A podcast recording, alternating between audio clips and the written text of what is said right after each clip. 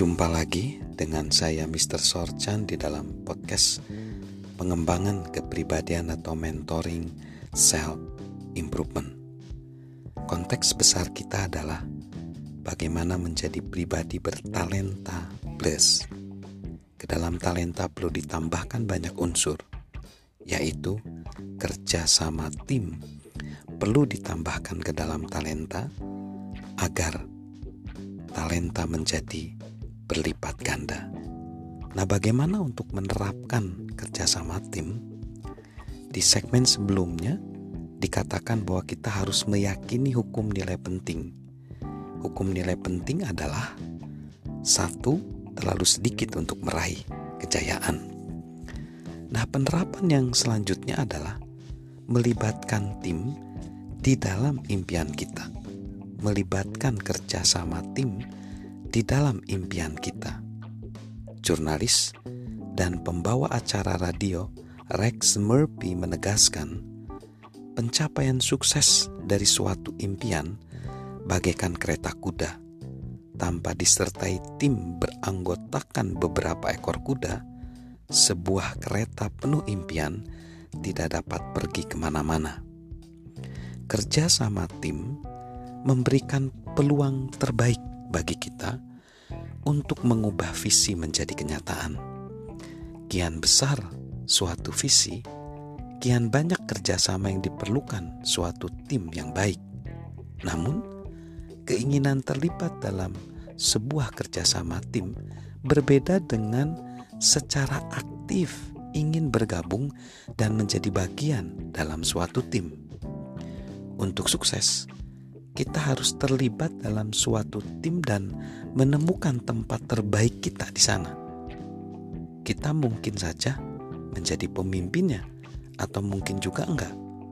Rudy Giuliani mengatakan, kenyataannya seorang pemimpin harus memahami bahwa kesuksesan diraih melalui kerjasama tim. Begitu kita menyandang posisi sebagai pemimpin, kita harus menampilkan kerendahan hati. Seorang pemimpin harus menyadari kelemahannya, sehingga mampu mengimbangi kelemahannya dengan keunggulan timnya. Ketika menjadi wali kota New York, saya memiliki keunggulan maupun kelemahan. Sebagai contoh, saya tidak punya banyak pengalaman dalam bidang ekonomi. Saya menemukan anggota tim yang berpengalaman dan bertalenta dalam bidang ekonomi. Saat setiap anggota tim menampilkan keunggulannya, organisasi Anda akan bertumbuh. Saat krisis menghadang, Anda akan memiliki anggota tim yang tepat untuk mengatasi setiap situasi dengan baik.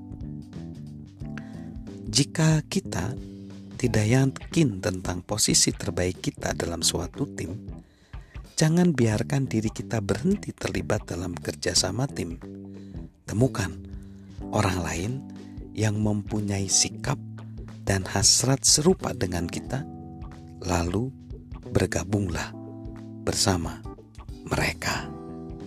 Jadi, untuk mewujudkan impian, kita perlu melibatkan tim. Nah, lalu yang selanjutnya, selain terlibat, kita juga perlu mengembangkan tim kita. Jika kita memimpin suatu tim, jadikan pengembangan anggota tim sebagai tujuan kita.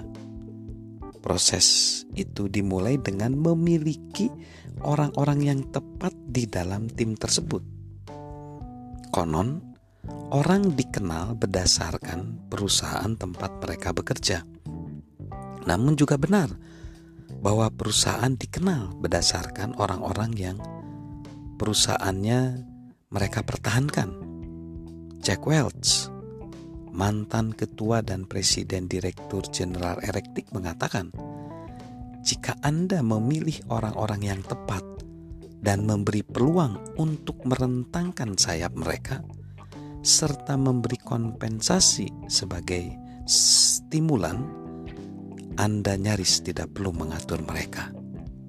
Itulah sebabnya Patrick Eminton mengatakan, berbicara untuk memotivasi siapa pun adalah tindakan yang sangat dungu. Kunci utamanya adalah membantu orang lain membuka dan mengarahkan motivasi-motivasi terdalamnya. Proses terus berlanjut dengan kita berbuat apa pun untuk membantu orang lain bertumbuh dan meraih potensi mereka. Kita harus melakukan yang terbaik untuk menyaksikan kemampuan orang lain dan membantu mereka mengenali sekaligus mengembangkan kemampuannya. Itulah yang dilakukan semua pemimpin yang baik. Mereka tidak hanya menjadi pribadi bertalenta plus, mereka juga membantu orang lain menjadi pribadi bertalenta plus. So, untuk menerapkan kerjasama tim, kita perlu melibatkan tim dalam impian kita, namun kita juga perlu mengembangkan tim kita.